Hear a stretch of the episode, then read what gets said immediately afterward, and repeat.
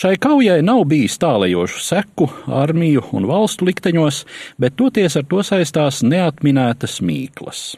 Runa ir par dueli, kuru divi kuģi - Austrālijas karalisko jūras spēku vieglais kreiseris Sidneja un vācu kara flotes palīga kreiseris Kormorāns izcīnīja Indijas okeānā 1941. gada 19. novembrī. Austrāliešu vieglais kreiseris Sidneja kaujas brīdī bija vēl pavisam jauns un attiecīgi moderns kuģis. Tas tika nolaists ūdenī tikai 1935. gadā ar 12 lielgabaliem, 8 torpēdu aparātiem un pretgaisa aizsardzības ložmetējiem. 19. novembrī, atgriežoties no kravas kuģa eskortēšanas, Sidneja netālu no Austrālijas rietumkrasta pamanīja kādu neidentificētu kuģi un devās noskaidrot tā piederību. Kuģis izskatījās pēc civila transporta, bet patiesībā tas bija Trešā reiha kara flotes diversiju kuģis Kormorāns. Kormorāns bija patiešām būvēts kā kravas kuģis, nolaists ūdenī 1938. gadā, bet 1940. pārbūvēts par tā dēvēto palīga kreiseri.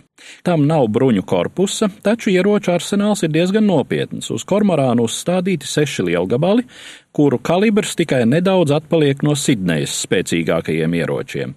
Ir arī torpēdu aparāti. Kormorāna uzdevums uzturēties dienvidu puslodes jūrās un gremdēt britu un to sabiedroto transporta kuģus. Kormorāns maskējas par nīderlandiešu tirdzniecības kuģis Strāta Malaka, Malakas šaurums. Sidneja tuvojas kormorānam, austrālieši pieprasa precīzāku identifikāciju, tai pašā laikā arvien vairāk pietuvodamies. Kapteinis Detmers nolēma novilcināt sadursmi cik vien iespējams, jo tuvākā distancē kara kuģa korpusa bruņas un jaudīgākā artilērija dod mazāku priekšrocību. Sidneja neuzmanīgi satuvinās, un jau pirmā vāciešu zalve rada pamatīgus postījumus, savukārt pirmie austrāliešu šāviņi aizlido kormorānam pāri. Vāciešiem esot izdevies ātri izsist no ierindas divus no četriem austrāliešu lielgabalu torņiem.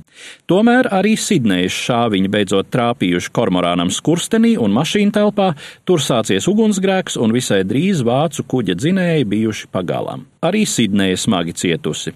Viens no artilērijas torņiem eksplodējis, uz klāja plosījies ugunsgrēks, un kreiseris cīņas lauku pametis. Iestājoties tumsai, vācieši vērojuši tajā pusē, kur devies austrāliešu kuģis, ugunsgrēka atblāzmu, un vēl pēc kādām stundām dzirdējuši vairākas spēcīgas eksplozijas.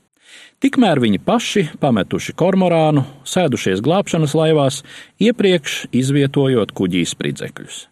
Tāda ir versija, kuru vēlāk austrāliešu izmeklētājiem pauž kapteinis Detmers un 320 izdzīvojušie viņa komandas vīri.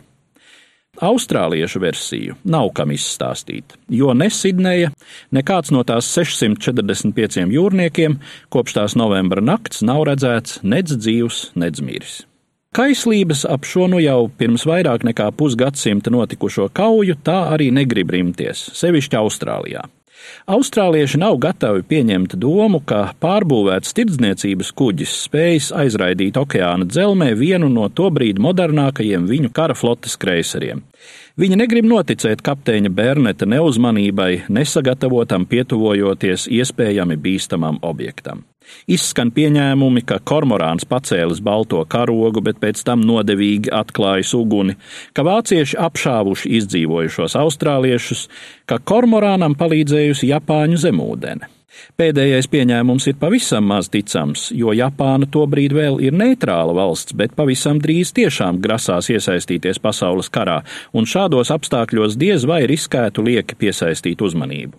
Un arī kapteiņa Detmersa un viņa komandas vainošana kara noziegumos balstās pamatā tādos argumentos, kā Detmers taču ir nacistu flotes virsnieks, un ik viens nacistu virsnieks ir potenciāls kara noziedznieks. Daudzi jautājumi gūtu atbildes, ja veiktos atrast vienu vai abus nogrimušos kuģus, taču tas nav izdevies nevienai no daudzajām ekspedīcijām. Visus mīklu atminējumus pagaidām rūpīgi glabā Indijas okeāna dzīve. Stāstīja Eduards Liniņš.